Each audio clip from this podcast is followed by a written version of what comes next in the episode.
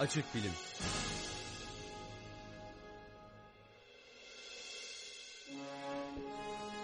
Evet sevgili dinleyenler, Açık Bilim Radyo programının 31. bölümünden sizlere merhaba. Ben Tevfik Uyar. Ben Ömer Cansızoğlu. Ve ben Utku Zırı. Merhaba. Ee, merhaba. merhaba. Nasılsın? İyidir. Çok çok Unutmuş şiir, gibi yaptık abi. Yani, Evet. değil mi? Böyle şiir pardon, programı girişi gibi de oldu aynı zamanda böyle ses itibariyle falan. Evet bugün de Utku Zırı bizlerle beraber kendisi e, kalkınma iktisadındaki e, çalışmalarıyla tanınan ya da ileride tanınacak yani ileride tanınmasını ümit ettiğimiz. e, bir akademisyen adayı. Evet. Ee, hoş geldin diyoruz. Hoş, Hoş geldin. bulduk sağ olun. Aslında biz onunla da çok samimi arkadaşız da burada da yabancı taklidi yapacağız işte.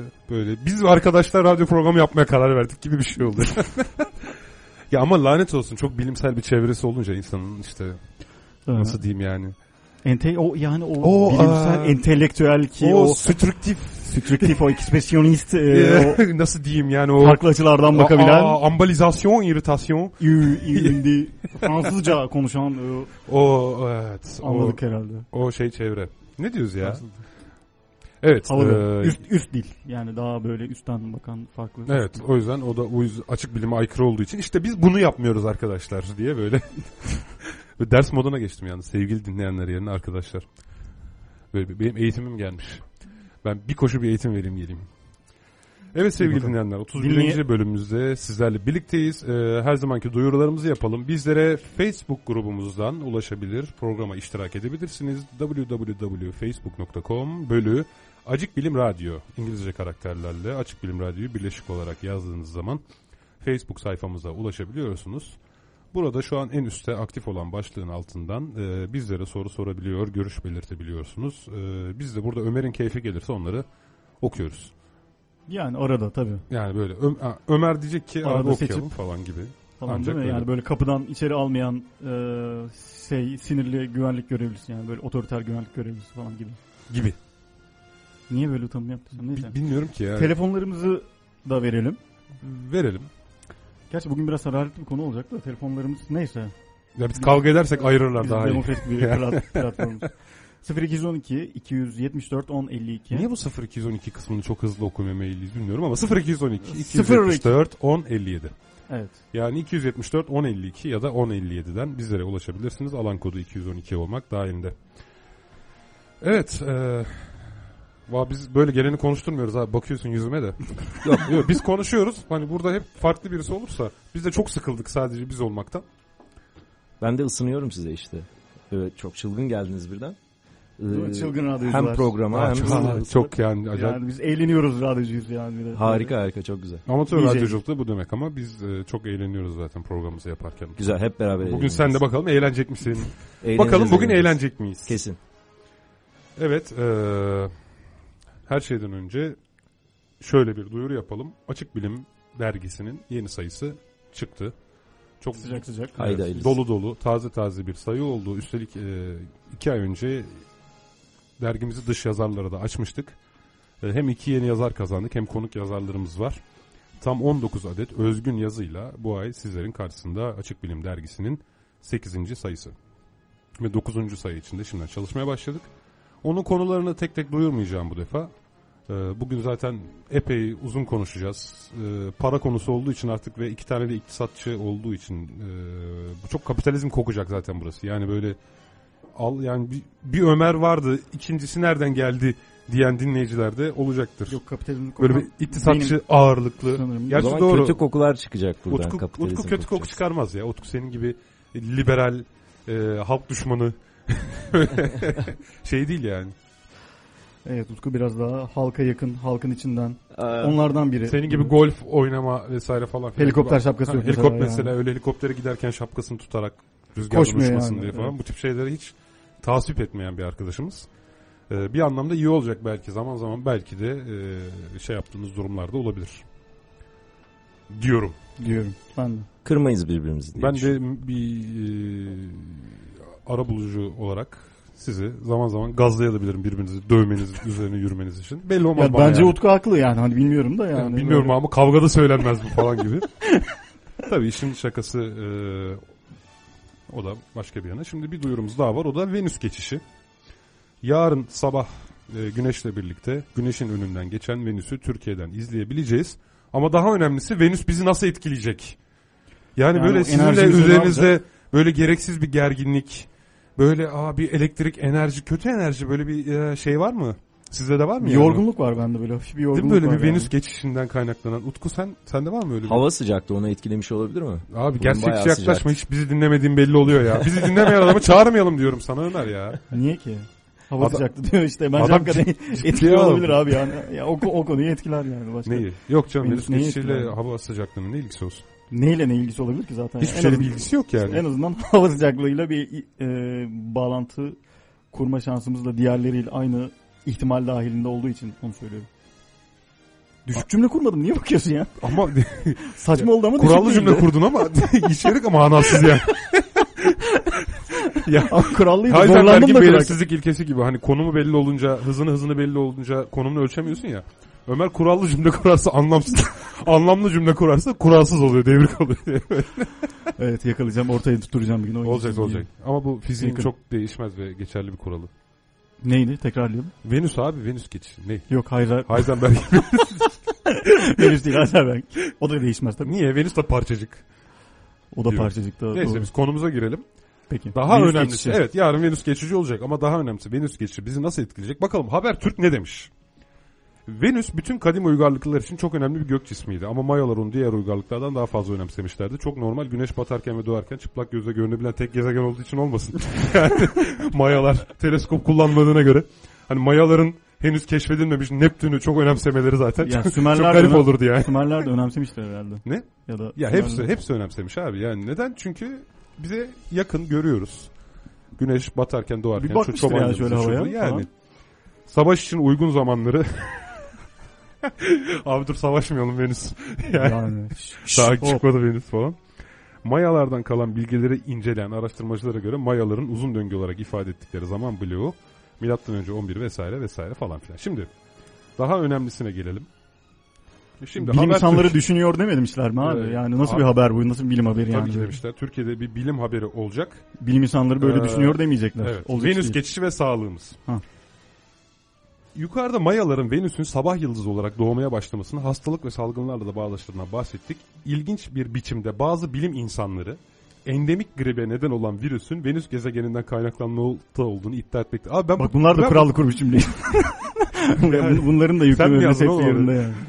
Ben bu bazı bilim adamlarını çok merak ediyorum. Bu bazı bilim adamları, bazı fizikçiler yani Kim abi bu- yok, kimler bu yok bazılar? böyle bilim adamı ya. Yani böyle bir bilim adamı yok yani. Bazılar. Biz bazılarız. Geliyor böyle bir grup. Bazılar. Bazı fizikçiler onu, mesela onu gelmişler. Bazist. Bu, bunun gibi başka bak bilim yazıp arattırıyorum tekrar. Tekrar arattırıyorum. Nerede bu CTRL? eşya? Bu arada ben biraz hani bununla ilgili ciddi bir şeyler söyleyeyim mi? Ya da Söyle, iyice söyle. hani suyunu çıkarttıktan sonra mı ciddi Yo bir sen şey? söyle ben arada bir sonu çıkartayım daha iyi oluyor. Ee, açık bilimde de bu konuyla ilgili bu ayki bir yazımız mevcut. Evet Venüs Kaan geçişi, Öztürk Kaan yeni yazarımız bizler için yazdı Venüs geçişini. Yani Venüs geçişi nedir, ne değildir? Niye geçer? Niye geçer değil tabii de. Yani Venüs geçişiyle ilgili e, aşağı yukarı bütün e, doneleri kullanarak bir haber, bir yazı yapmış. Kaan Evet. Öztürk ellerine sağlık diyoruz. İlgilenenlere de duyuruyoruz. Bu arada. Habertürk'teki yazıyı yazan yazar Hı. internet üzerinde yaptığım araştırmalarda bazı başka bilim adamlarının da benzer tespitlerine rastladım. Bu değerli bilim adamlarının ortaya koyduğu teorilerden çıkan sonuç özetle şudur. Çeşitli gezegen dizilimleri güneş aktivitelerine sebep olduğu gibi Aa! diye burada bir tane düğüm olsa da bassak ha. Çeşitli gezegen dizilimleri güneş aktivitesine sebep olmaz. Devam edelim. Venüs dünya güneş dizilimleri de güneş alevlenmelerine daat diye böyle sebep olmaz diye İkinci düzeltiyorum. çarpı. Venüs'ün manyetik alanının yetersiz Elenmek olması üzere. nedeniyle bu gezegenin atmosferinin üst tabakasında iyonize halde bulunan gazlar bu doğru. Güneş rüzgarlarıyla gezegenden ayrılır ve gezegen hizalanması sırasında Venüs'ün üst atmosferinde bulunan bulut şeklinde kolonize olmuş bakteriler dünyanın daat Üçüncü çarpı elendi. yani o, o dizilim Venüs'ten o şey buraya gelene kadar öyle bakteriler ışık hızında hareket etmiyorlar. Yani. o bakteriler hani olsa öyle gelse bile o sırada dizilim çoktan bozulmuş oluyor. Yani. Hadi oğlum. Ondan sonra kutup bölgelerinden rüzgarlar geçiyorum geçiyorum. Sıradaki bilim adamı cümlesine geleyim. Hı, ne yapmış bazıları yine? Bir hava elementi burcu olan ikizler çok sayıda insanla ilişkide bulunmayı ifade eder. Bilim insanı Gina Kolata'ya göre dok- 1918'deki salgın atmosferdeki değişikliklerden kaynaklanan. Abi Gina Kolata kim? Bu sırada baksana bir ya. Bakayım. Ne, nasıl Çok yazılıyor? değerli bilim insanı Gina Kolata kimmiş ya? Ginekolata. Evet. Belki değerlidir hani direkt şey Ya bir şey demiyorum. Çok değerli dedim zaten ben de. Öyle biri yokmuş hani. Bakayım. Evet. eee, yine bir bilim katli haberiyle karşı karşıyayız. Ee, Yazarımız Öner Döşermiş. Astroloji Okulu Caddebostan. Abi biz diyorum ya Abi yanlış bilim, yanlış yere e, dükkan açtık ya. Bilim Ya, habercisiymiş. Ee, açtık. New York Times'ın yazarıymış. Ama Ginekolata. kaç, kaç yılında? 1916 yılında. Bilim adamı değil yani. 1900 Bilim habercisi. Bak arkadaş Science orada gördü diye bilim adamı diye yapıştırmış.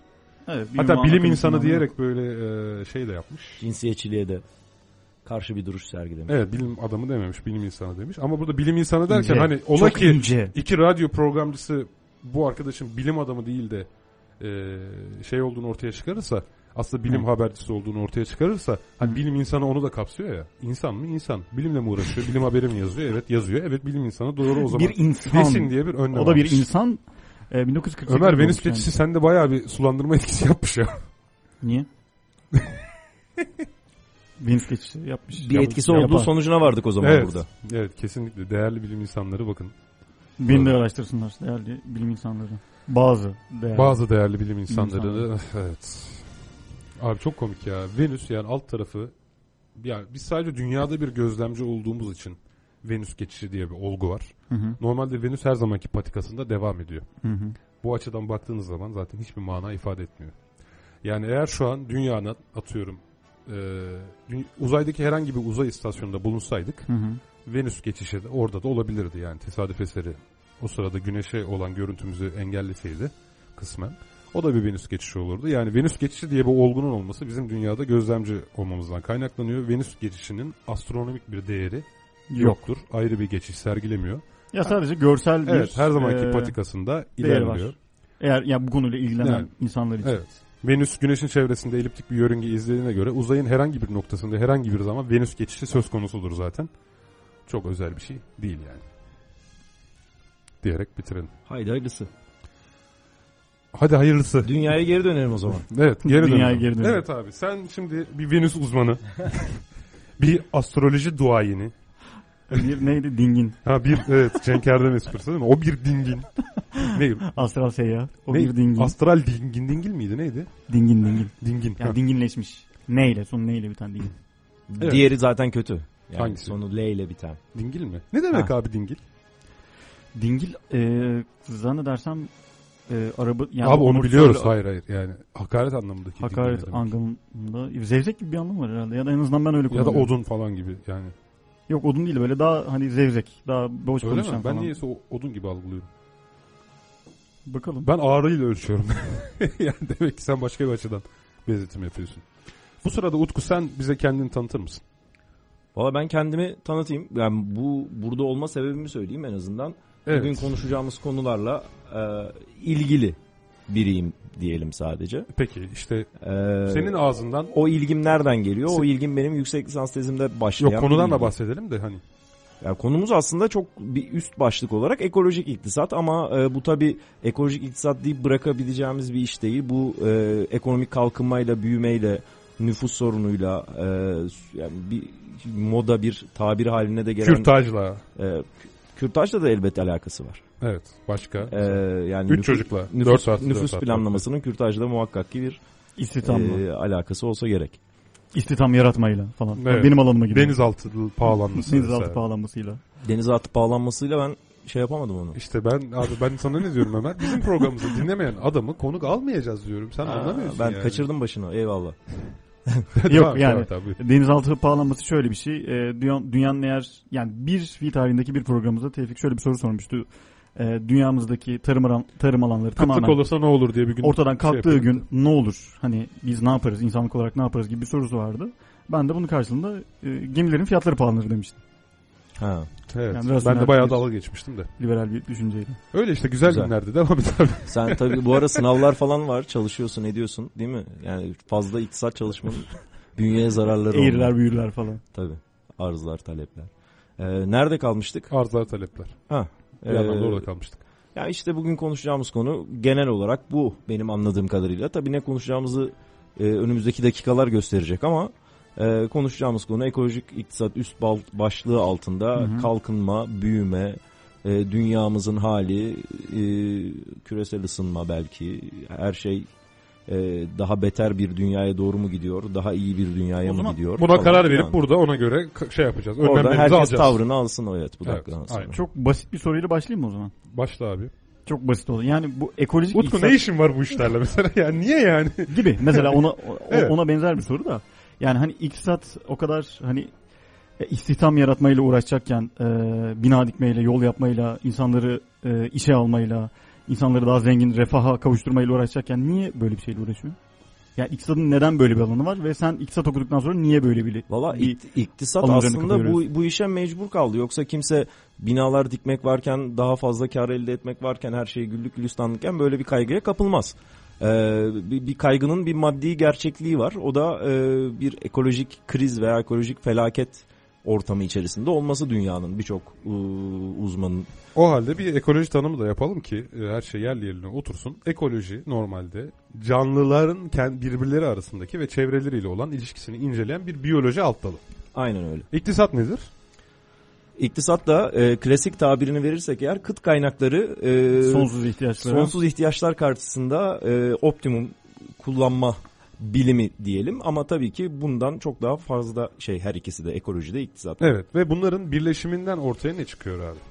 Bunların bileşiminden ortaya e, ne çıkıyor? Aslında bir e, çok e, derin bir literatür var bu işte ama yeni bir literatür. E, tabii 19. yüzyıllarda da e, yazan çizen e, fizyokrat, fizyokratlar vardı bu işte ama 70'lerle birlikte bu ekolojik e, bozulmanın etkileri artık gözle görülür hale geldiği zamanlarda 70'lerde özellikle 72'de yayınlanan bir kritik bir kitap var Büyümenin Sınırları diye. Meadows ve arkadaşları yani Roma Kulübü diye anılan birçok bi- biyolog, iktisatçı, sosyolog, birçok bilim dalından insanın e, katkılarıyla oluşmuş bir Bü- dünyanın hali. Sınırları dedin değil mi? Bir, evet büyümenin. Yani tam bu. olarak ne anlatıyor peki? Yani iktisadi büyümenin e, sınır şartları mı? Yani doğal limitleri mi? limitlerine geldiğini söylüyor aslında özetle ama tabii yıl çok kritik. 70'lerde olması bu işin e, hani e, refah devleti diye geçen re- refah dönemi olarak geçen Hı hı. özellikle işte Hı hı. erken kapitalistleşmiş e, Avrupa, Amerika gibi ülkelerde Birinci Dünya İkinci Dünya Savaşı sonrası o e, üretim fazla. Evet yani bolluk bollukla geçen yılların ardından böyle bir sonuca e, dönüşüyor e, iş aslında. Yani k- yıl o yüzden kritik 70'lerde olması. Hemen arkasından zaten bir petrol krizi patlıyor. E, tabii ekolojik iktisadın çok daha sığ bir tarafı genelde petrol üzerinden de tartışır bu işleri. Çünkü dönemdaştır o anlamda e, ikisi. E, ama dönem çok kritik çünkü bir refah var sağlanmış yani kapitalizmin kurulurken e, ön, ne diyeyim vaat ettiği refah sanki bazı ülkeler için ulaşılmış gibi görülürken bir bakmışız artık belki o refahın yaşanacağı bir dünya bile var olmayabilir. Evet bak bu güzel bir yaklaşım oldu. Yani evet sonuçta ulaşılmak istenen bir zenginlik var. Ama o zenginliğe ulaşıldığı zaman e, o zenginliği yaşayabilecek şartlar elden kaçmış oluyor değil mi? Bunu sağlıkla beraber düşünürsek nasıl düşünebiliriz? Yani istediğini yiyip içebilmek için ağır bir işte çalışıp emekliliğe ulaştığında bu defa istediğin şeyi yiyip içebilecek bir sağlığa sahip olmamak gibi. Yani Platon'un Belki. hani şu ünlü bir söz dizisi vardı. İnsanların birkaç birkaç şeyine şaşarım ben. Yani hiç ölmeyecekmiş gibi yaşayıp hiç yaşamadan ölmelerine şaşarım falan filan gibi, Gibi. şeyleri var. Ya da Evet yani Evet. E, dediğin aslında doğru bir örnek. Yani bir, çok parası olan bir adamın e, o parayı harcayabilecek bir hali dermanı olmaması. ne gibi için kazanıyoruz ki şey. falan di- diyen yaşamayı seviyorum Evet. diyenler bir anlamda ekolojik bir iktisadi e, düşünce yapısına sahip sanki. Yani şu, şu aslında bu soru bu ekolojik problemler gelmeden önce de sorulabilirdi aslında. Ne için kalkınıyoruz ki ya da ne için büyüyoruz ki?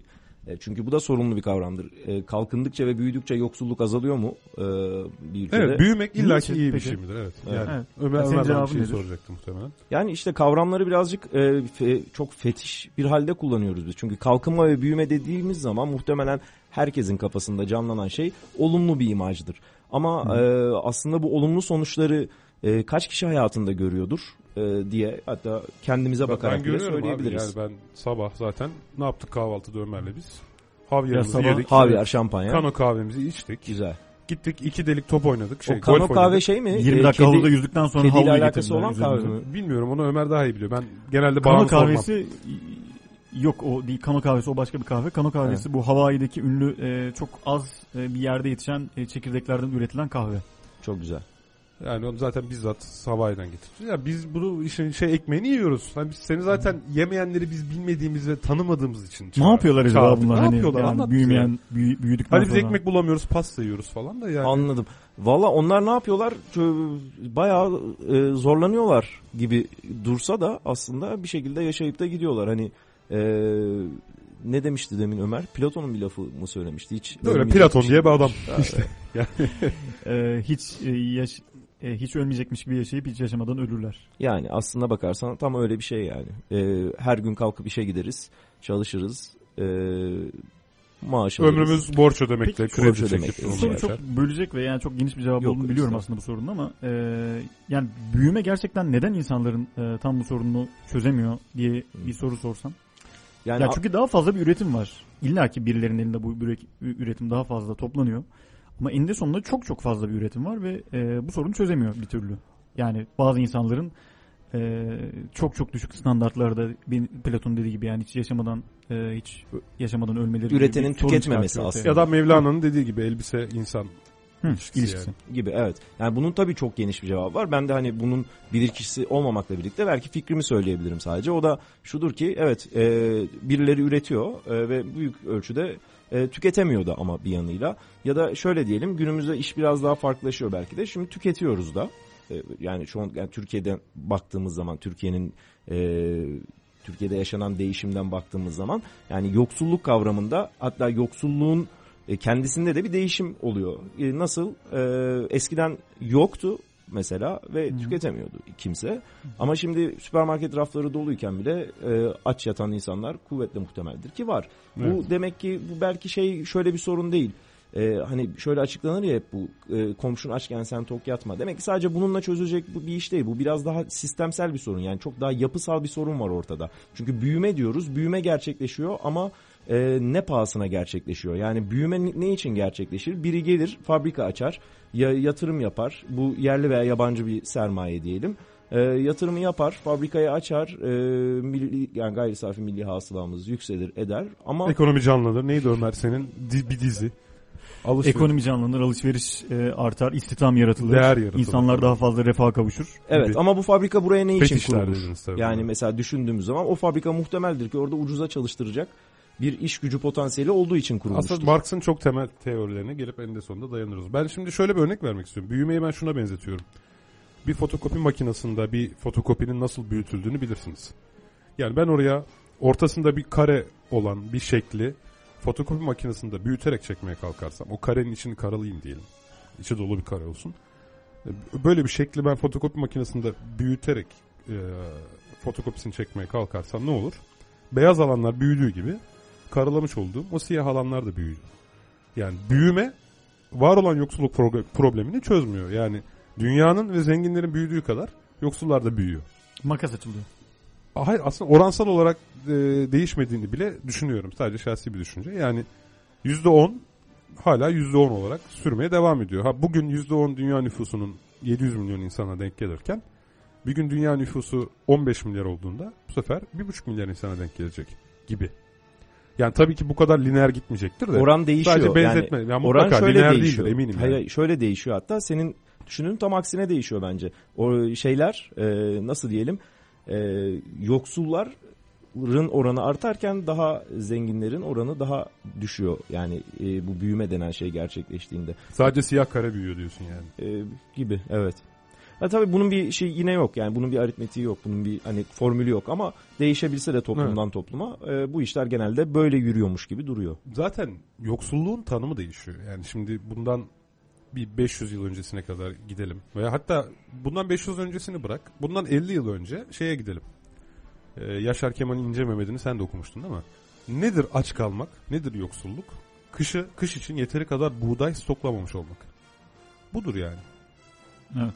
Yoksulluğun tanımı bugün ise ne? Bugün her gün karnını doyurabilirsin ama evinde internetin yoksa, televizyon almaya paran yoksa, çocuğunu iyi eğitim aldıracak paran yoksa, Hatta okula gönderecek paran yoksa. İyi eğitimi de geçtim. Sen zaten yoksulsun. Demek ki e, eninde sonunda Maslow'un ihtiyaçlar teorisine belki tekrar dönüyoruz ama eskiden yoksulluğun yoksulluk temel ihtiyaçları karşılayamamaktı. Çünkü belki zaten insanların güvenlik problemi yoktu. Güvenlik diye bir şey yoktu. E, zaten insanların şey diye bir problemi yoktu. Kendini gerçekleştirme. Hobi sanat falan ancak Burjuva'nın emrinde e, ki sanatçılar tarafından icra edilen bir şeydi. Ha, halk sanatı her zaman vardı da bu da yine Burjuva'ya karşı koymak için vardı ayrı mesele. Ama ve lakin eskiden yoksulluk buydu. Bugünkü yoksulluk tanımıyla baktığımız zaman dünyadaki aç sayısı azalıyor ama yoksulluk oranı artıyor diyebiliyor muyuz? Ee, mu- ben böyle bir oran bilmiyorum ama muhtemeldir denilebilecek bir şeydir. Çünkü hani düşün, düşünürsek ee, evet yani Afrika'da bilinen bir açlık var. Ee, yani gerçi geçen sene de Türkiye'de de böyle bir vaka yaşandı yanlış hatırlamıyorsam. Açlıktan bir kişi çocuk açlıktan. öldü galiba, evet. Yani e, ama bilinen e, en azından kitlesel olarak açlık sanıyorum Afrika'da var. Ona da işte e, metro istasyonlarına kutular koyarak çözüm bulmaya çalışıyorlar ki Neydi o? e, e, yardım kutuları. Afrika'ya Hı hı. yardım edin e, kutuları falan yani şeyde e, batıda diyelim. ABD'de We Are the World var diye bir ara. Biz şeye biraz daha biz e, Kolektif şey çalışması, sanatçıların bir araya e, gelip. bizde de var aslında öyle şeyler. E, hani bu yeni dönemde görüyorum ben metrolarda falan şeyleri ilanları işte e, Afganistan'da açlık ya da e, işte hatta Japonya'ya yardımda falan hatırlarsınız. Depremde mi? Deprem ve sonrasında da oldu öyle şeyler. Afrika'ya yardım gidiyor Türkiye'den de birkaç e, vesileyle sanıyorum. Ama şu, sorun şu yani sorun bu yardımlarla çözülecek bir sorun değil. Yani, Yani, felç olmuş bir bedene ma- e, masaj yapmak ya- masaj yapmak gibi bir şey. İyi aslında biraz ben bunu şey olarak görüyorum tabii. Devletlerin Yani kendi şöyle sorumluluğunu vatandaşlara yıkması Birkaç tane görüyorum rakam de bununla yani. ilgili. Ee, Birleşmiş Milletler Gıda ve Tarım Teşkilatı'nın verilerine göre dünyada 854 milyon insan açlıkla uğraşıyor. Bunun 820 milyonu gelişmemiş ülkelerde. Yani Asya'nın Latin e, Latin Asya'nın bölgesi e, yani Bangladeş, Çin, Çin'in belli yani Asya'nın güney kısımları, e, Afrika ve Sahra çölünün altı zaten. Güney Amerika. E, Evet yani o Sahra e, çölünün altında. E, gıda yetersizliği dü- e, dünya nüfusunun %14'ünün boğuştuğu bir sorun. E, bazı ülkelerde bu Bangladeş gibi ülkelerde bu %60'a kadar çıkıyor. Abi düşünsene %60 aç ya. Çok enteresan ya. Yani bunun çeşitli sebepleri var. Yani sebe- sebeplerinden biri mesela Afrika'da bir dönem hakikaten çok büyük bir kıtlık olması. Mesela yani Afrika'daki toprak toprakların %44'ü e, birkaç seneliğine yağmur almıyor hiç. Ve Yani işlenme vasfını yitiriyor. var. Evet. İşlenme vasfını yitiriyor. Ama tabii e, sadece e, yani bunun oradaki yağmur almaması ya da e, hani oradaki ekolojik problemlerle alakalıdan olmasından ayrı. E, şimdi Utku birazdan oraya gelecektir. Yani bu e, dünyadaki ekonomik e, yapılanmanın yarattığı e, sıkıntılardan e, yani önemli bir eseridir denilebilir. ben yani zaten hani benim de düşüncem o yönde. O da şu bunun bir yani e, bir, bir sistem bir, bir sistem sorunu olmasından bahsetmek gerekiyor bence. Yani orada açlık var e, ve hani gidelim oraya bir, bir, bir, bir takım yardımlar yaparak bu işi çözmeye çalışalım. E, günü Hatta- kurtarmaktan belki başka bir işe yaramayacaktır Evet, eğer bir işe yarıyorsa da. sistemin yani. yardım edilecek ve yardım edecekler diye iki kategoride insan ortaya çıkarmasında zaten temelde belki de bir hata var. Ya da en azından ekolojik iktisat bununla mı ilgileniyor diye soralım. Abi, Hemen sözünü balla keseceğim. Bu Ban Ki-moon'un Hani bal hani. bal e, Sözü balla kesmek ne al, demek kahve. ya? sözü Ban balla. Kano kahvesi olmadan e, içmiyoruz. biraz böyle samimiyetsiz ama ben söylemek istediğimi söyleyeceğim ama yani hani seni de çok fazla kıramıyorum, seviyorum demek gibi bir şey herhalde. Uydu mu? Bilmiyorum Utku'ya uyduysa onunkini kessin benim. hiç fena değil bence. İyi şey yaptım değil mi? İyi kıvırdın. Evet. Kı- kıvırma Ban- melekelerin artıyor Ömer gittikçe. Evet yani. Yakında nitelikli dolandırıcı Ronaldinho. iktisatçı olacaksın.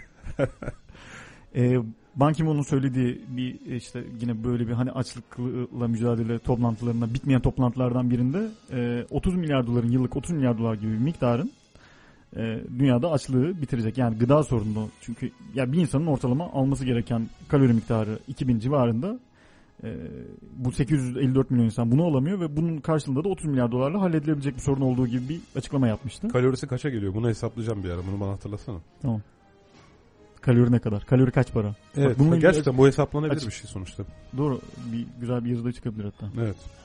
Yani ama e, bu banknotları yan yana getirmekle olmuyor.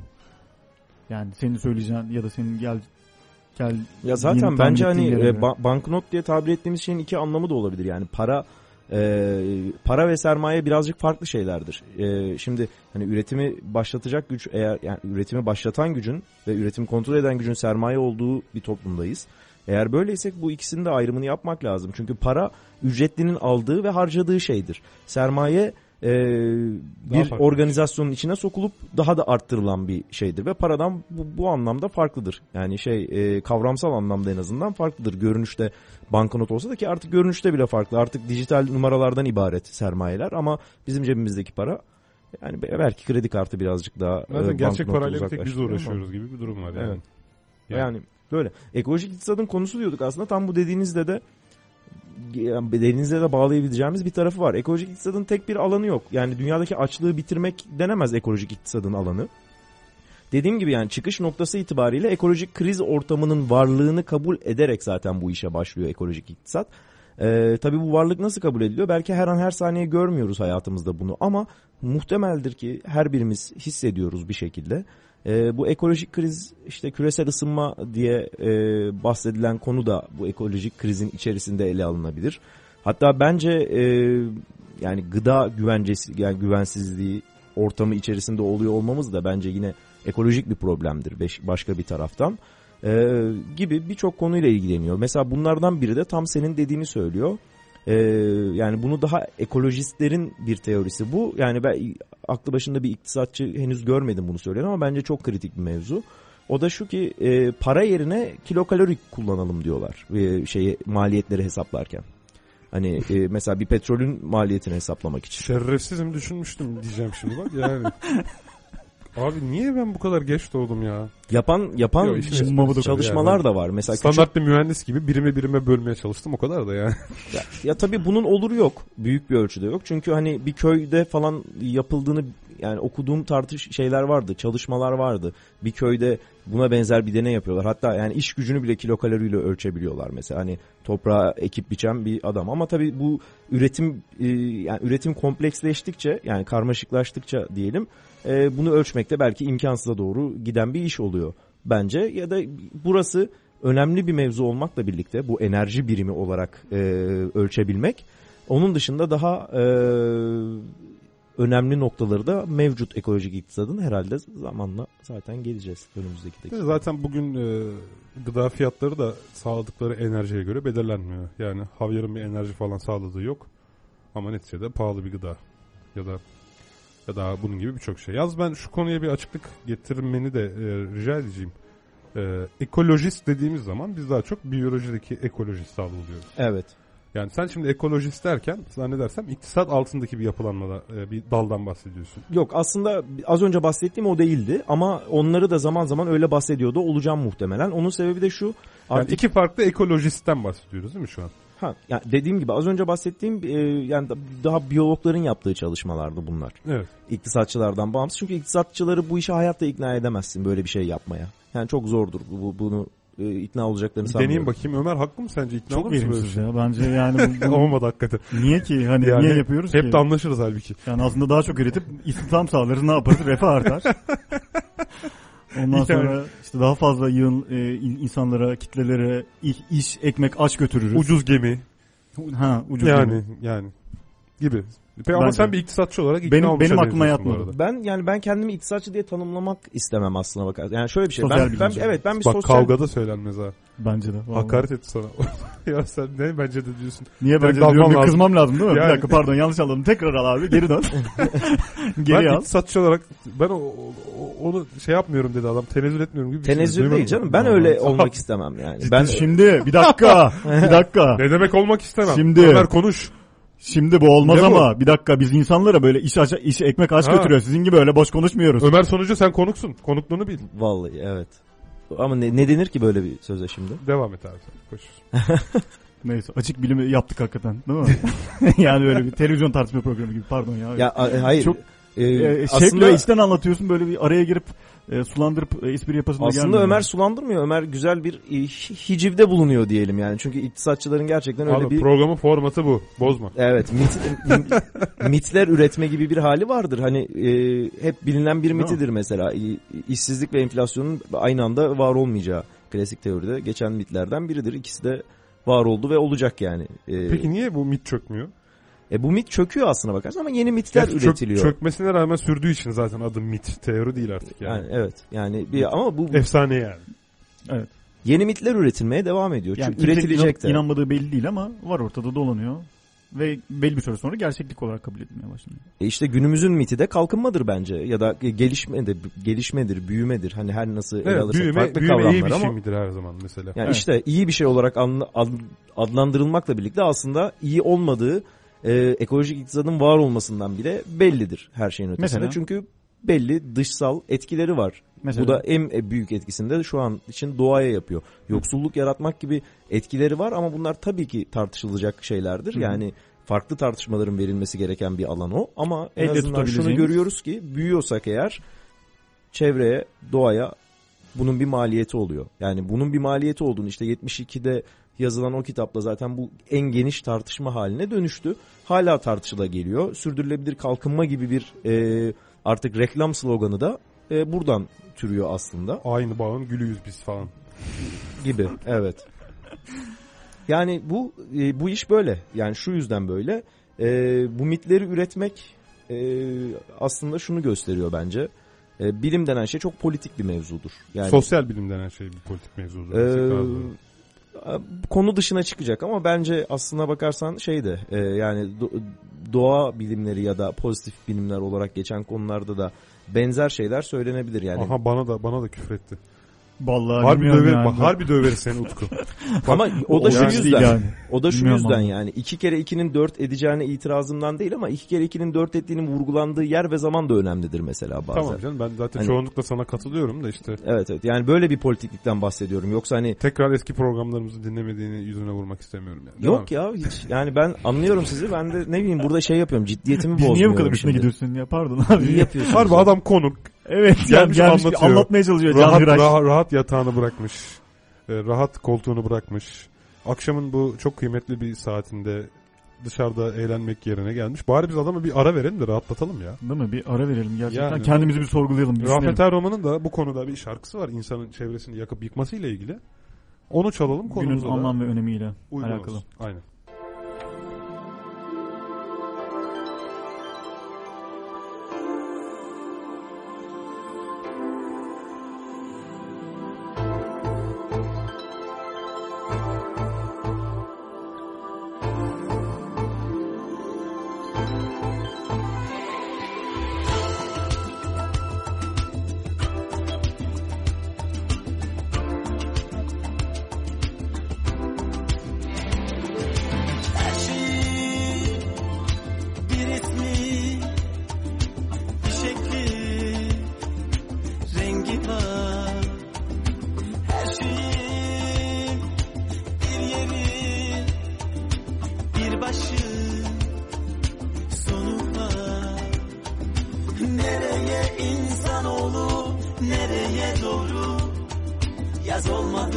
Kış gelmedi, ne iş bu?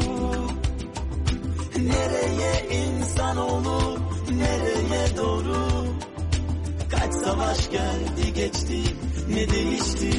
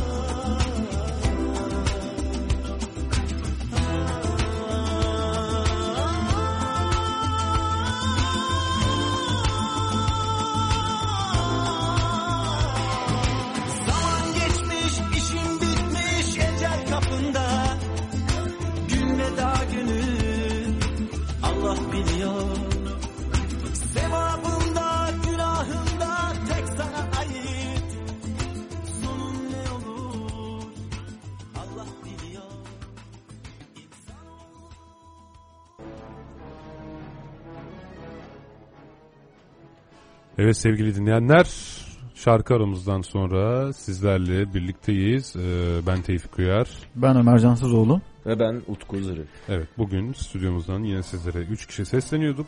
Dünyanın bu ya büyüyor da nereye kadar sorusuna cevap arıyoruz. Bilimsel bir cevap arıyoruz böyle argo bir soruya. Ya büyüyeceğiz de nereye kadar değil mi? Nereye kadar arkadaşlar sorusuna bilimsel cevap aramak üzere. Bugün ekolojik iktisat hususunda akademik çalışma yapan Utku arkadaşımız eee, buraya geldi ve bizleri bilgilendirmeye devam ediyor. Evet, evet Utku. Evet Tevfik. Nerede kaldık? Nerede kaldık? Sürdürülebilir kalkınma diyoruz en son. Sürdürülebilir kalkınma büyüme iyi bir şey midir? Yani sürdürülebilir kalkınma ya da Sonumuz ekolojik ayrılan. iktisat ya da hani şu anda e, artık herkes her reklamın bir sloganı haline gelen yeşil motor, yeşil enerji, yeşil ıvır zıvır gibi Ya da konular. evet, temiz enerji. Yeşil havalimanı falan mesela şu an şey var.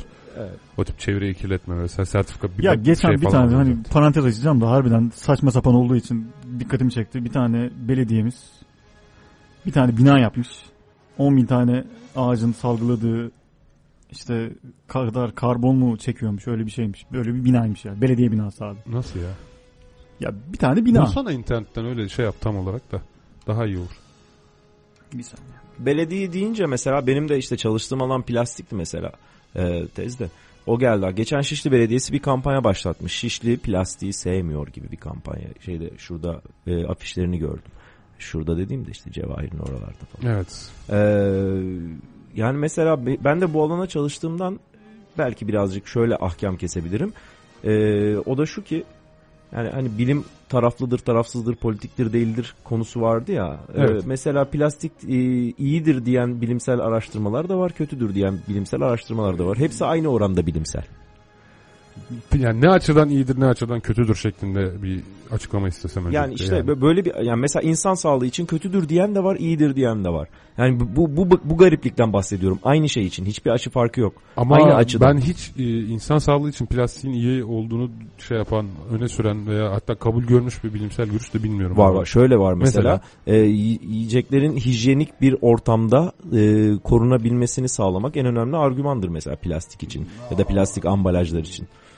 Peki ama cam sonuçta daha sağlıklı öyle değil mi? E, yani onu da diyorlar ama mesela camın daha sağlıklı olmadığını başka bir yerden dem vuruyorlar. O da diyorlar ki işte camın taşıması maliyetli, plastik daha az maliyetli, doğaya daha az zarar var. O yüzden cam taşımaya kalksak şu kadar petrol tüketiriz, plastik taşıyarak bu kadar daha az petrol tüketiyoruz falan gibi Şimdi biz yerlere gidiyor 2-3 işler. hafta önce burada Kuşku Tüccarları adlı bir kitabın tanıtımını yapmıştı Çağrı Yalgan Açık Bilim'de. O konuda konuştuk. Yani endüstri devleri bazı dernekleri fonlayarak o derneklerin kendi endüstrileri lehine e, söylentiler, bilimsel gibi görünen çalışmalar vesaire yapmalarına destek veriyorlar. Mesela bugün küresel ısınma inkarcıları var biliyorsun Evet. küresel ısınmanın aslında olmadığını söylüyorlar. Bir bakıyorsun arkalarında Heartland Institute diye bir enstitü var ve bu enstitüye bir bakıyorsun ki dünyadaki bütün büyük markalar enstitüyü fonluyor. Evet.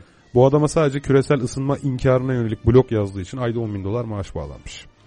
Şimdi ben hani plastiğin insan sağlığına faydalıdır diyen bir araştırmanın arkasının iyi araştırılması gerektiğini düşünüyorum. Yani mesela Bunu yapan adamlar da var zaten. Yapmışlar ve çok acayip sonuçlara ulaşmışlar. Mesela bir plastiğin içindeki bir madde ile ilgili yapılan araştırmaların e, finansörlerini incelemiş bir bilim e, insanı, bir adam aynı zamanda. ne çıkmıştı arkasından petrol firmaları. Evet yani e, araştırmaların %20'si e, o maddenin zararlı olduğunu e, söylüyor. Bu araştırmalar genelde bağımsız araştırmalar. %80'inde de e, finansörler genelde ağırlıklı olarak petrol ve petrokim, petrokimya şirketleri. ya tabii şimdi oluyor. ille finanse ediyor diye yalandır da diyemeyiz. Tabii. Tabii, bu da ayrı bir tarafı burada da işte. ama yani en azından Amerika'da işler şöyle oluyor çünkü. Postdoc yapacaksın. Doktora sonrası çalışma yapacaksın. E, okul sana para vermiyor. Ne yapacaksın? Bu araştırmanı yaparken bir burs sağlamak zorundasın. Öyle değil mi? Ha gidiyor bakın ben böyle bir araştırma yapacağım. Burada iyi pazarlama söz konusu bu arada. Hani bak bu araştırmanın sonuçları aslında sizin sattığınız ürünlerin lehine. Gel sen bana maaş bağla ben de bu araştırmayı yapayım. iş bulmak zorunda kalmayayım. Okulda kalayım diyor. Yani akademisyen şimdi. Sen de o yolda ilerleyen birisin. demese iyi olur o sen zaman. de şimdi yani, şöyle mesela diyelim ki sen de şimdi doktora sonrası çalışma yapacaksın. Nerede? Ee, Massachusetts'te mesela. Gideceksin. Bursa ihtiyacın var öyle değil mi? Bakıyorsun ki senin çalışmanın sonucu bizim radyo programımızın daha çok dinlenmesini sağlayacak. Gel, gelip bana demeyecek misin ya Tevfik abi şuraya bir hani 30-40 bin dolar at da ben de okuyayım abi falan diye. Ben de ne diyeceğim Ömer verelim mi diyeceğim. O da sen bir git çay koy bakayım önce falan diyecek falan. Böyle bir iğrençlik yapacağız falan. Ya bu yaparız yani. Doğru diyorsun yaparlar. Yaparlar. Sen yapmasan da yapan olur tabii. Ya mutlaka. İşte o yüzden bu kişisel bir problem değil. Belki bunun Bilimi Ee, buna mahkum eden sistem diyorsun. yani. lanet Evet. olsun işte ona. Açık bilimin son sayısında başkasının sırtından geçinmenin en kolay yolu adlı bir yazı yazdı e, yazarlarımızdan birisi de. Yeni yazarımız hatta konuk yazarımız olduğu için ismini şu an Ben bu arada şeyi söyleyeyim. Küçükçekmece belediye binasıymış. Doğa dostunu yeni belediye binasıymış bu. Bahsettiğimiz belediye binası şeffaf yapıda inşa edilmiş. Üstünde çimlik bir alan var. Ee, herkese daha kolay hizmet veriyormuş. 17 dönüm üzerine kurulmuş. Falanmış filanmış. Neredeymiş neredeymiş? Küçükçekmece değil mi? Küçükçekmece belediye binası. Daha hadi ya ben orada oturuyorum. Doğa dostuymuş yani. Bel, bel- Hatta sen onun yanından yürüyorsun bazen. Küçükçekmece Belediyesi'nin falan. Hatırlarsın. Yani işte artık doğa dostuymuş orası. Sevinelim. Oley yani. gibi e, evet, Hey bu önümdeki bilgisayar benim takılmaya başladı. Birisi açık bilime girebilir mi ya? açık bilime Son sayımıza. tamam. son Şimdi sayım önümde. orada da şöyle bir problem var. Bu da aslında hepimizin problemi. Aynı zamanda akademik kariyer yapmaya çalışan insanlar olarak. Diyor ki çoğu bilim adamı yayınını veri tabanlarına bedava veriyor. Çoğu bilim adamı hakemli dergilerde bedava şey yapıyor. E, hakemlik yapıyor. E, bu dergiler yayınlanıyor ama bir bakıyorsun ki bir Elsevier'ın veri tabanına üye olmak tüm veri tabanındaki dergilere üye olmak 23 bin dolar gibi fahiş bir rakam. Ve kar marjı birçok sektörde olmayan bir kar marjı. Akademik şey yayın satışında. Bak ben şimdi ona iş fikri olarak baktım yani. Hani iyi bir iş fikri gibi geldi bana.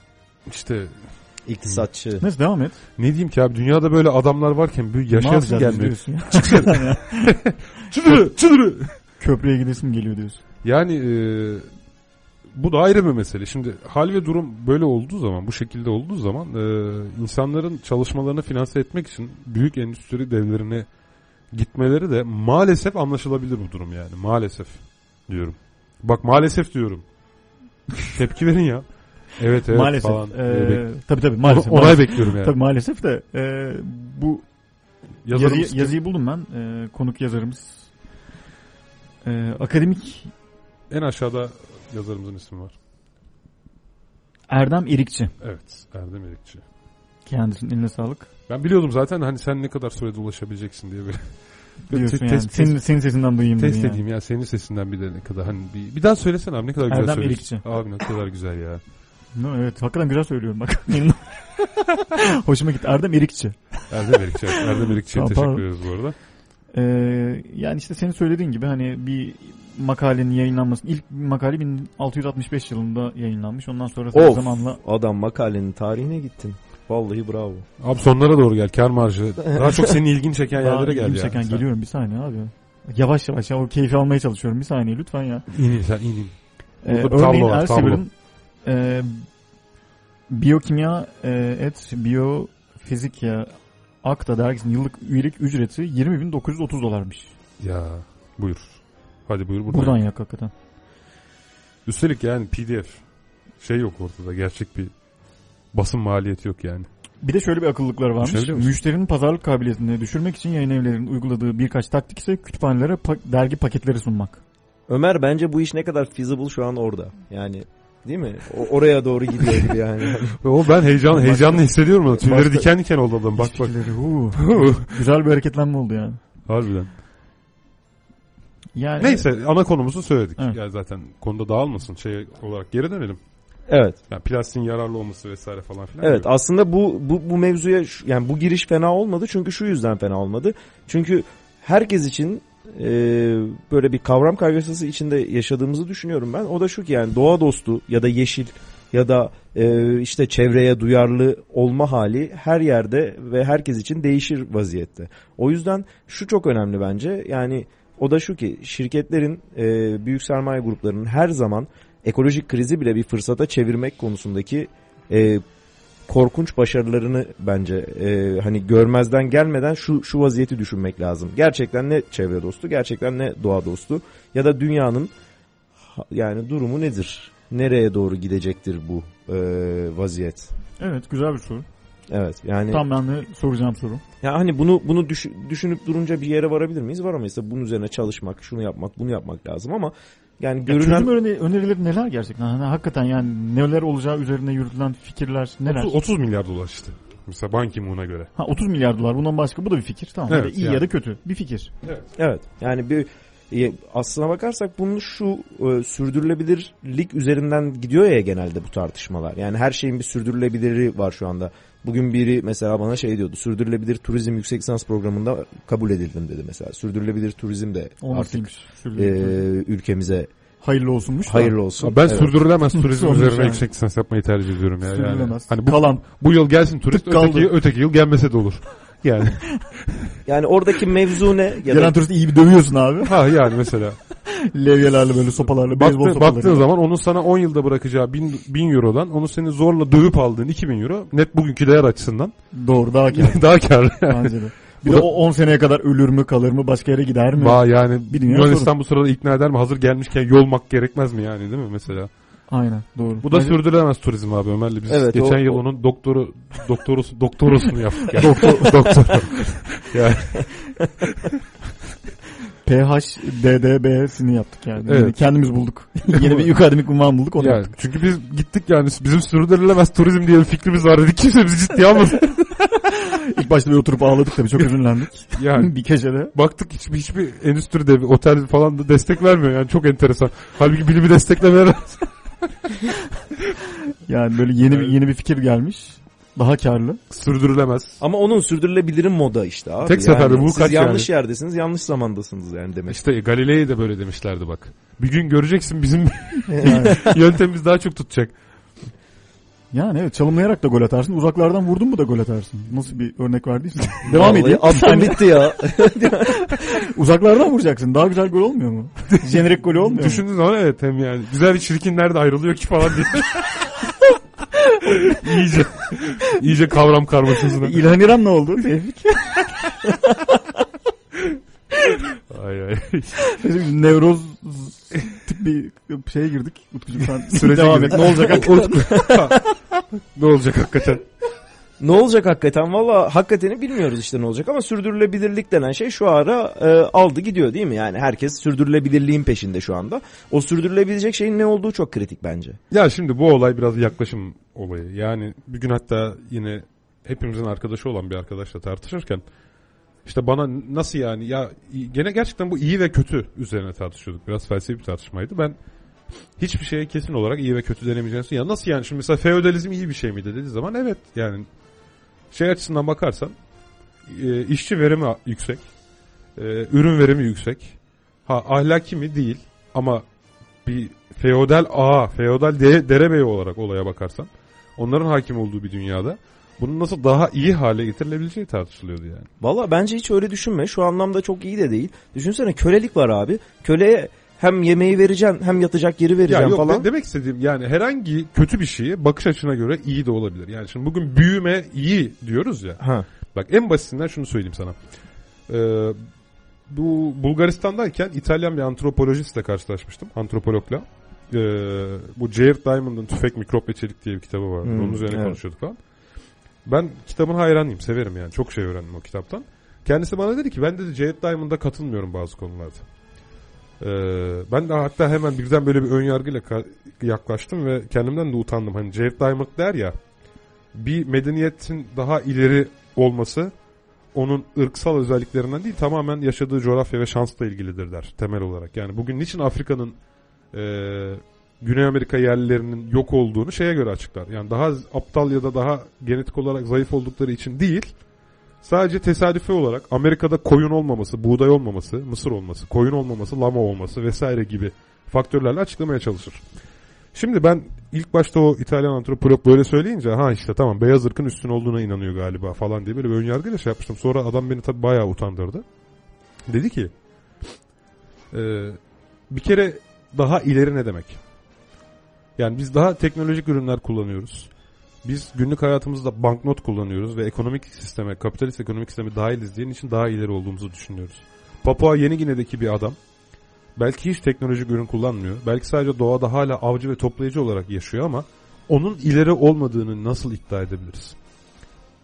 Ben ondan sonra düşündüm ya haklısın. Evet. Yani adam doğayla daha iyi iletişim kuruyor.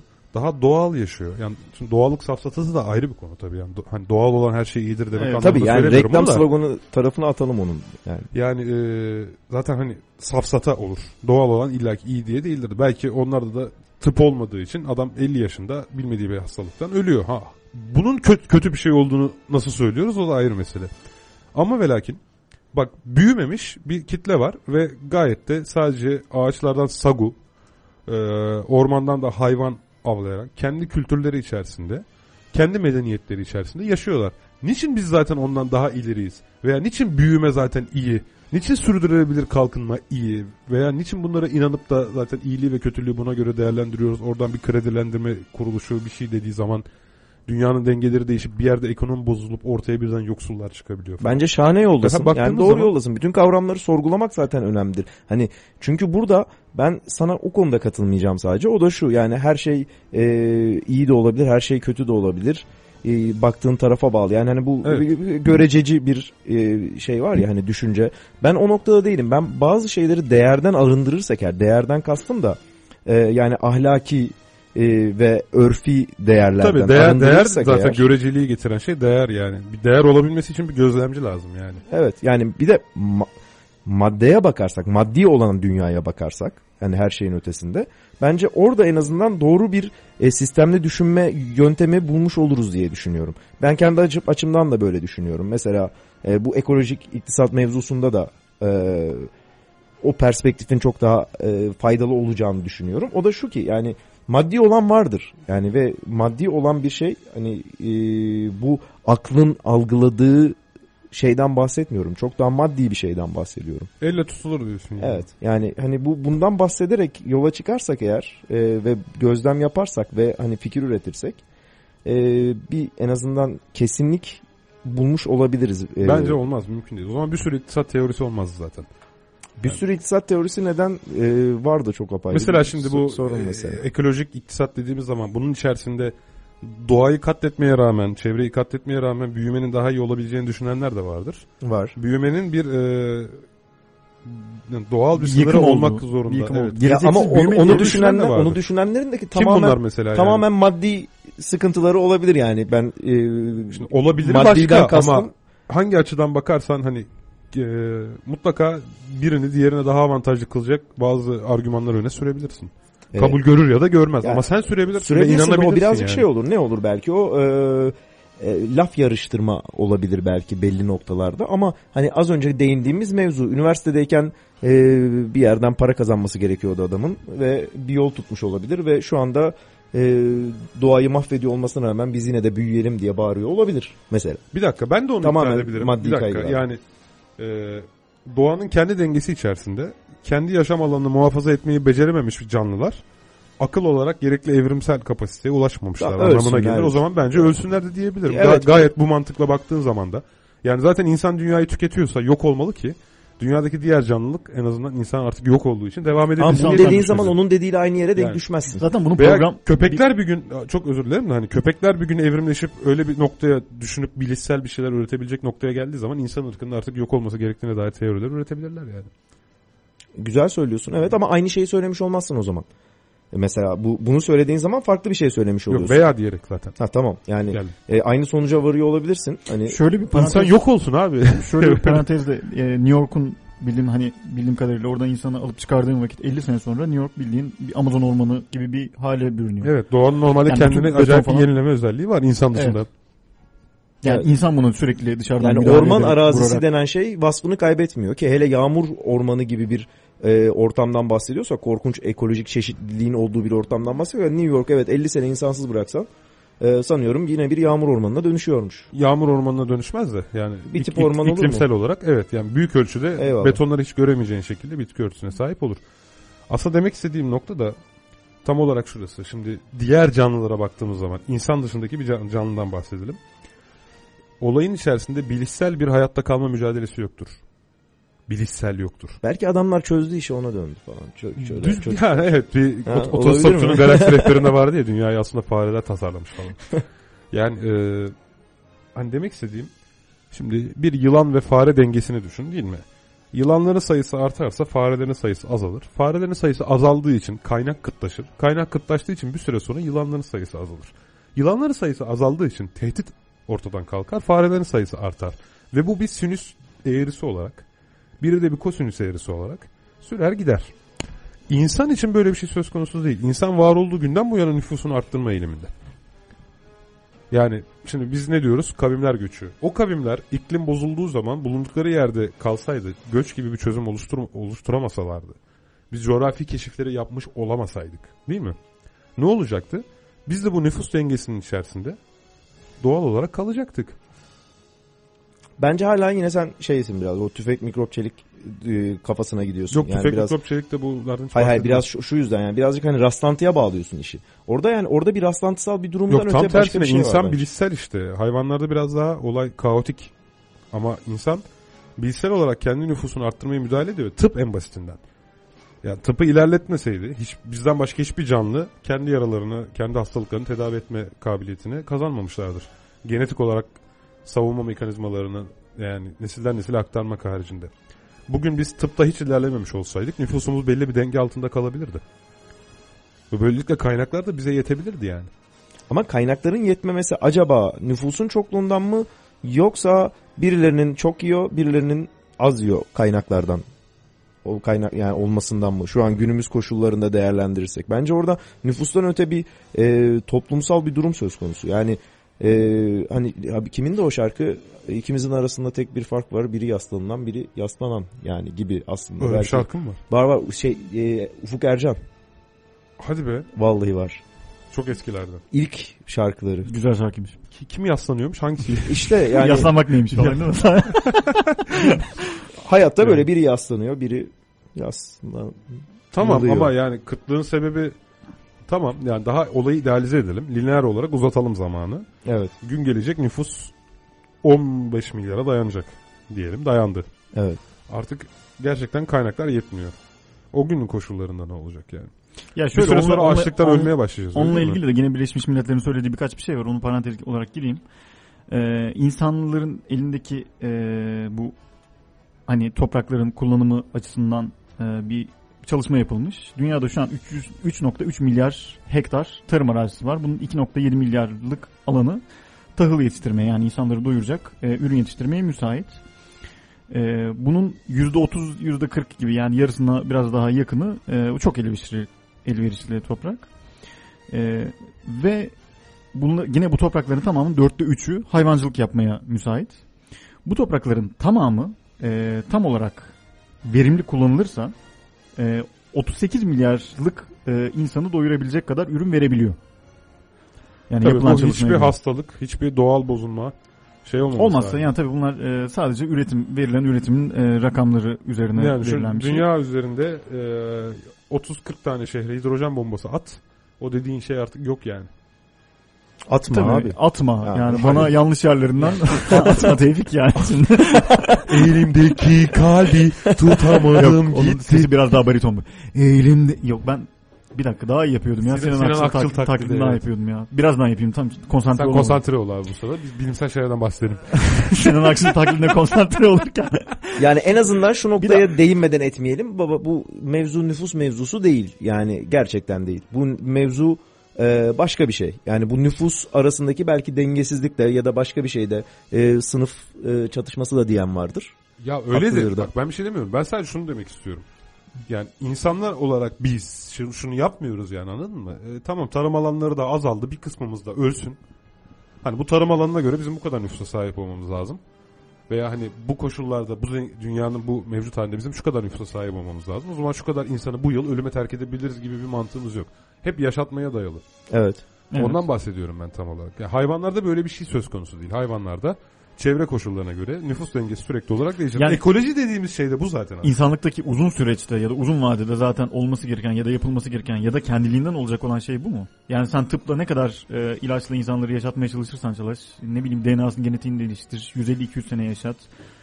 Yani- Ee, ve yani bu insanlar 38 milyara kadar ulaşsın. Bu insanlar eninde sonunda bir şekilde e, doğaya karşı çıkamayacak ve doğayı yenemeyecek Evet ve bir yerde tıkılıp bir yerde insanların da Ya, tıkın, eyv- kalacağı bir ya nokta eyvallah var. o belki olacaktır mahşer yeri, kanıtı- kıyamet senaryosu falan dediğin ama Hayır bak Jack ya. Fresco çok güzel bir şey söylüyordu. Kıyametten bahsetmiyorum Tamam ya. bahsetmiyorsun biliyorum ama yani bu böyle örnekler çok distopik bir örnek olabilir. Bir gün gerçekten öyle olabilir ama şu anda öyle değil.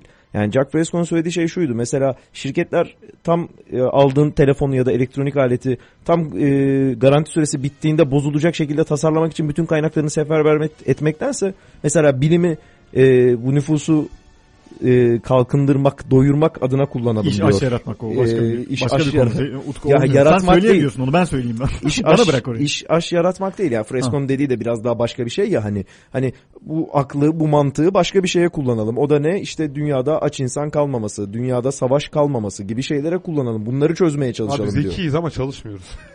Yanlış, yanlış motivasyonla çalışıyoruz bence baba. Çok bayağı da çalışıyoruz ya. Affedersiniz bir e, Zeki ne- ama tembel yani. Tamam, o bir hayvan ismi kullanmayacağım ama bayağı çalışıyoruz yani. Herkes deliler gibi çalışıyor. Eşek, eşek gibi mi Ee, çalışıyoruz? Bu- o bir deyim köpek ya. gelmişti ağzıma ilk etapta. O da bir deyim yani. Evet. Ee, yani Aslında ben düşünsene. Tevfik'in burada demeye çalıştığım hani biraz katılacağım. Yani çünkü, çünkü şöyle hani e, aslında biz savaşlara karşı durmaya da ya ne yapıyoruz biz? İkinci Dünya Savaşı'ndan sonraki aşağı yukarı felsefenin tamamı şunun üzerine kurulu. Biz ne yaptık yani gerçekten? 60 milyon insanı öldürecek kadar ne kurduk da ne düşündük de böyle bir savaş oldu da birbirimize girdik üzerine. Yani insanlar aslında bir şekilde ayakta kalmak üzerine e, doğal bir şekilde e, savunma mekanizmasını yani bunu sosyal bilim, sosyal alanda da normal yine pozitif bilim alanında da Ya gerek ahlaki gerekse e, tıbbi imkanlar şunlar bunlar bilim vesaire yaşatmak üzerine kurulu. Yani ben e, Ama bunun tekrar e, şöyle özetleyeyim. Diğer hayvanların aksine bizler e, doğada nüfusumuzu azaltmaya meyli olan şeylerle bilişsel bir mücadele verebiliyoruz. Yani bugün e, yağmur ormanlarındaki hayvanlar abi yağmur ormanları yüz ölçümü de azalıyor. E, gelin biz bir çözüm bulalım şuraya ağaç dikelim diyemiyorlar. Dolayısıyla çevresel faktörlerden etkilenme oranları yüzde yüz yani. Yani hayvanlarda bir organizasyon ya da bir zeka ya da bir bilişsel davranış söz konusu değil. Evet yok. Bizde var. Benim demek istediğim bu. İşte ne mutlu İnsan, var. insandan zekayı çıkar. Nüfusu bu kadar olmaz zaten. Ve kıt kaynak problemi olmaz. Çünkü kıt kaynak varsa ölümler olur ve kıt kaynak problemi olmaz. Ya demek istediğim kaynakla diyorsunuz ya iktisat ne? Kıt kaynaklarla sonsuz ihtiyaçların dengesi. Bunun sebebi insanın e, sonsuz ihtiyacı olması. Ama yok biz onu Fakat şöyle kullandık. Bu kaynaklar- yalan yalan tanımıdır abi bu işin. Kaynak kıt mı onu bile bilmiyoruz ki. Mesela e, Kaynak kıt tabii ki. Sonsuz olamaz. Cornucopian diye bir e, ak- akım var böyle. Adamlar şey diyor bırakın petrol bitiyorsa bitsin. Gideriz Mars'a oradan buluruz petrolü gerekirse falan. Bir şekilde bir kaynak üretiriz diyen çok bunlar da bilim insanı tabii. İşte böyle aynen benim demek istediğim şey o zaten. yani. Yani. insanın bilişsel bir çözüm üretebilme şeyi var. Yani yeni bir enerji kaynağı keşfedecek zaten bu Evet. esnada. Muhtemeldir. Oradaki yani. kıtlık kavramı biraz şeyle alakalı değil mi ya? İnsanın iste- istemesi güdüsüyle yani istemesi ihtiyaç hali doğması insana dair olan. Yani evet. Onunla alakalı Yani, yani. sa- sadece benim özetle yani demek sadece istediğim şu. sınırlı olması ve bir son olması Yani, değil. evet bizim ihtiyacımızı karşılamayan bir kaynak. Yani daha doğrusu ihtiyacımıza bir kaynak bulamadığımız halde ölmeyi kabullenmediğimiz için e, işin en nihayetinde ucunda e, iktisadın temel problemleri ortaya çıkıyor. Yani e, şöyle söyleyeyim. Böyle düşünmüyorum. Yani böyle faşizan bir yaklaşımım yok. Önce uyarayım da. Afrika'da açlık olmasının sebebi Afrika'daki açlığın nüfusu gerektiği kadar kırmasına müsaade edilmemesinden. Yok yani şöyle sorunlar da var Afrika'daki. Anladın mı? Yani o Hayır bu öyle bir şey. Evet dediğim belki 3000 yıl önce haklı olabilirsin ama şu anda Afrika'daki açlığı bitirebilecek bir halde insan uygarlığı değil mi? Yani o, o anlamda söylüyorum ben. Evet o haldeyiz. Bak, yani bunu yok, yapabiliriz tamam, rahatlıkla. Doğru söylüyorsun. Zaten bence de yapılmalı. Ya dünya görüşüm buna yönelik zaten benim de. Hani demek istediğim e, Birleşmiş Milletler oraya 20 yıldır pirinç yardımı yapmasa Afrika'da aç insan diye bir şey olmayacaktı. Onu kastediyorum ben. Afrika'da Ya ka- kaynaklar ihtiyaçlara veya nüfusa yetecek hale gelene kadar nüfus azalacaktı sistematik olarak. Doğru mu? Evet. Yani sen Kastettiğim şey o yani. Nüfus ve ihtiyaç dengelenir her şeyi kendi haline bıraktığınız zaman. ben de Ya biliyorum ki çok- ben bunu %100 anlıyorum ama bu dengeleri değiştire, değiştirebilme gücü var şu anda elimizde diyorum ben de. Ben bir şey demiyorum. Değiştirilmesini de O demiyorum. zaman bir tanım yapmaya yönde- çalışıyorum. Yahu gençlik. Olumlu bir yönde saniye, değiştirelim. Bu, bu bilim Değiştirelim bilim- canım yani ayrı Sadece mesele. bilimsel bir mevzu da değil yani. Hani şöyle bir tarafı da var bu işin. 1990'ların başında hani bu bahset, demin bahsettiğim bu Afrika'daki büyük kıtlığın ardından e, 1990'ların başında Afrika iyi yağmur alıyor. Ama mesela Etiyopya'da e, Etiyopya'nın içindeki isyancılar Eritre ve Tigre bölgelerine e, yardım gitmesini ya da onlara işte ti- ticaret yoluyla ürün gitmesini, yiyecek gıda maddesini ve ilaç maddesi gitmesini engelliyor. Çünkü rant elde edemiyorlar. Ya öyle dersin hani vardır yani bir şeyleri çıkarları, vardır bildikleri Yani diyeyim. bir rant Yani. var işin içinde tabii. Yani sadece hani oradaki bir ürünü üretip o ürünü işte ortaya saçıp herkesin e, kendine düşen payı alıp yine çözülecek bir mevzu da değil herhalde bu. e, Kesinlikle değil. İşte mesela Jack Fresco'dan ayrıldığımız noktada o ya. O adam mesela şey diyor. Bu iş teknik bir meseledir diyor. Bunun e, şeyini projesini yapalım diyor. Venüs Project diyor hatta adına da Venüs projesi onun tabiriyle. Nedir abi? E, işte dünyadaki tüm insanların barış, dostluk, mutluluk ve refah içerisinde bolluğun olduğu bir toplumda yaşatmak. Ve diyor ki bu iş teknik bir meseledir diyor. Bu iş ne yazık ki teknik bir mesele değildir. Bu iş toplumsal bir meseledir. Toplumsal bir mutabakat gerektirir ve e, toplumsal olarak bir kabul gerektirir bu konuda. Tabii canım. Yoksa işte yani- rant devreye girecektir. Al ben sana başka yani. bir teori daha öğreteyim. Antarktika'da insan yaşıyor mu? Yaşamıyor. yaşıyor. Niye? Birkaç Ne- yaşıyor. neden yaşamıyor? Soğuktur herhalde. Koşullar uygun değil, yiyecek yok. Şimdi o zaman bugün Afrika'da yiyecek yoksa biz Afrika'daki insanların tamamını alıp orayı da kimsenin yaşamadığı bir bölge haline getirebilir miyiz? Getirebiliriz. O insanları kendi sosyal sistemimize katıp, kendi nüfusumuza katıp getirebiliriz. Problem şurada zaten. O insanları hala orada yaşatıp orada o aç haliyle yaşatmak istemekte. Tabii ki yani Yoksa al abi Afrikalıların tamamını kaynakları olan bölgeye iş ver, çalıştır, yaşat. Zaten Afrika'da Ant- Antarktika ya da Sahra Çölü gibi ya da dünyanın insan yaşamayan diğer bölgeleri gibi koşullar uygun olmadığı için, yeteri kadar kaynak olmadığı için kimsenin yaşamadığı bölge olarak varlığına devam eder. Tamam bunu çok doğru söyledin de şuradan ayrılalım. Hani klasik liberal teorinde şöyle bir e, tar- tanımı vardır ya tamamen ağızlarındadır ama ben uygulamaya döktüklerini görmedim. E, Böyle yani bu iktisatçılar, bu liberaller, bu şuraya böyle kadar bunlar yani ya. üçüncüsüne kadar. Ricardo'nun söyledi. Üçüncüsüne kadar. Mesela diyorlar mallar serbest dolaşacak, sermaye serbest dolaşacak. Sonra da insan emek ser- serbest dolaşacak diyorlar. Mesela böyle bir ideali vardır liberal teorinin ama e, 80'lerden nedense nedense ideal. 100 yılı geçti e, liberal teorinin neosuyla falan haşır neşiriz ama bir türlü e, bunu yaşayamaz e, durumdayız. Bunun da olmaması belki e, işte bu liberal teorinin daha yapısal sıkıntılarına e, bağlanabilir diye düşünüyorum ben şahsen. Peki programda sona yaklaşırken yani bütün tabloyu çok olumsuz çizdik. Yani bu işin hakikaten de olumluya giden tarafları da yok mu? Mesela. Yani Var. en, En azından. En azından farkında olunması bile bunun bence bir olumlu tarafıdır. Birçok kişinin çok daha fazla. oldu be yani. Ama Vallahi. yok yok gerçekten en böyle. azından insanlar bilinçlendi yani. Yok bu, bu, bu bilinç değil. Yani bu şöyle bir bilinç değil. Şu yüzden yani mesela bugün e, yani bizim anladığımız birine götürülecek bir bilinçten bahsetmiyorum ben. Zaten mevcut bir bilinci kazanmaktan ya da o su yüzüne çıkarabilmekten bahsediyorum. Bugün Türkiye'nin Türkiye'den örnek verelim. Dünyanın her tarafında Bolivya'sından e, Latin Amerika'sına, Avrupa'sına, Asya'sına kadar doğa için mücadele veren bir sürü insan var. Bugün de Dünya Çevre Günü gibi garip bir gün, ilan edilmiş bir gün bu arada. Onu da Bugün te- mü? tebrik etmeyelim ama Dünya Bugün Çevre Günü bugün evet. Yani biz de onun vesilesiyle konuşuyoruz sanıyorum ben. Biz boşa mı konuşuyoruz Öyle, tabii burada? canım. onu Yani evet yani. yani Sen de şaka Utku yapıyorsun ya. çağırdık yani. Vallahi bize- Yani Dünya Hep Çevre aklımdaydı Günü zaten. Dünya Çevre Günü Utku'yu çağıralım Bir diye. sene önce ayarladık abi biz bunu. Eyvallah Yani teşekkür Daha ederim. ortada, Dünya pro- Çevre daha ortada program, Program yoktu. yoktu. program fikri yoktu yani. Bi- Biz bir gün program yaparsak Dünya Çevre Günü'nde de Utku'yu çağırırız diye. Dedik ne yapsak ya bu. Dünya Çevre Günü'nde dedik Tevfik ya. Valla. Hadi bu seneki boş geçti önümüzdeki seneye dedik muhakkak bir şeyler yapalım Evet dedik. yani. Evet Dünya Çevre Günü yerinden kutlayarak olmuyor. Netice şu ki yani Hı. e, doğa için mücadele eden bir sürü insan var şu anda dünyada. O olumlu tarafı o bence bu işin sadece. Evet. Mücadele Yani- etme gücünü buluyor olması hala insanlar. Zaten bunu ol- Ya ol- bu olumlu saymamızda hata var. Ee, doğa için mücadele gerektirecek koşullar oluşmuş ki ona karşı mücadele Ne eden yazık ki, insanlar evet. var. Aslında biz kötünün içindeki iyi tarafı bulmuş oluyoruz. Benim de düşüncem bu. Sen de son sözlerini söyle. Ondan Ya sonra bu şöyle bir şey. Biraz herhalde yani. demin söyledim ya 2. Dünya Savaşı'nın e, dan sonra işte yani bir batı felsefesinin yani bu biz ne yaptık gibi bir soruya saplanıp kalması falan. Ya bu da herhalde biz hakikaten bu kadar e, ya geleceksiz büyüme diye bir kavram vardı. Aslında onu e, araya girmeye çalışmıştım birkaç kere de siz bayağı hararetliydiniz. Allah. Bu geleceksiz büyümenin e, getirdiği şeyleri de bu geleceksiz biz büyüdükten sonra işte dönüp bakıp ya biz ne yaptık gibi bir e, sonuca varacağız zannedersem. Ama e, yine de çok da ben hani çok kötümser değilim yani. Şu biz ne yaptık desene bir daha. Çok tatlı diyorsun ya.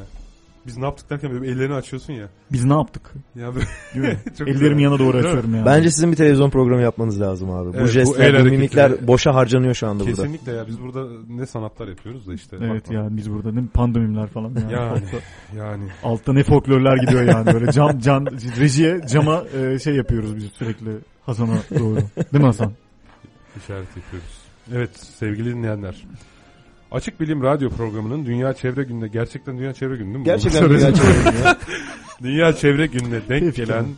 bu programında abi ben çev ne bileyim Ee, programında Utku Zir'i konuk ettik. Kendisi ekolojik iktisat alanında akademik çalışmalar gerçekleştiriyordu. Ve her zamanki gibi de ben Tevfik Uyar Ben Ömer Cansızoğlu. buradaydık. Bugünlük de ben Utku Zırı buradaydım. O da buradaydı ve e, hararetli, bol bilgi içerikli bir program Evet, gerçekleştirdik. saniye başına en fazla kelimenin sığdırıldığı edildiği- açık bilim Evet, programı ne oldu biçim bir açık bilim Ne programı biçim büyük oldu bir öyle. tane açık bilim programı oldu. Evet böyle. öyle oldu bugün ya. Evet herkese Umarım Sevgi. keyifli vakit geçirmişsiniz. Tabii Saygı. ki kimseyi sıkmamışızdır umarım. esenlikler. Bence çok sıkıldı abi insanlar. İyi akşam. Tabii ki sıkılmadılar. Tabii ki. Ömer var ben varım Utku. yani kendi katkın tamam yani sen de birazcık katkıda bulundun. Eyvallah. Yani Eyvallah. Yok gerçekten çok keyifliydi. kendisine. Gerçekten nasıl e, düzeltiyor kıracağım diye böyle bir korkuyla. Neyse abi biz Cat Stevens'tan o zaman Wild World şarkısını çalalım ki O- konsepte uygun olsun. Dünya Çevre Günü konseptine de uygun olsun yani. İyi akşamlar İyi akşamlar. İyi akşamlar.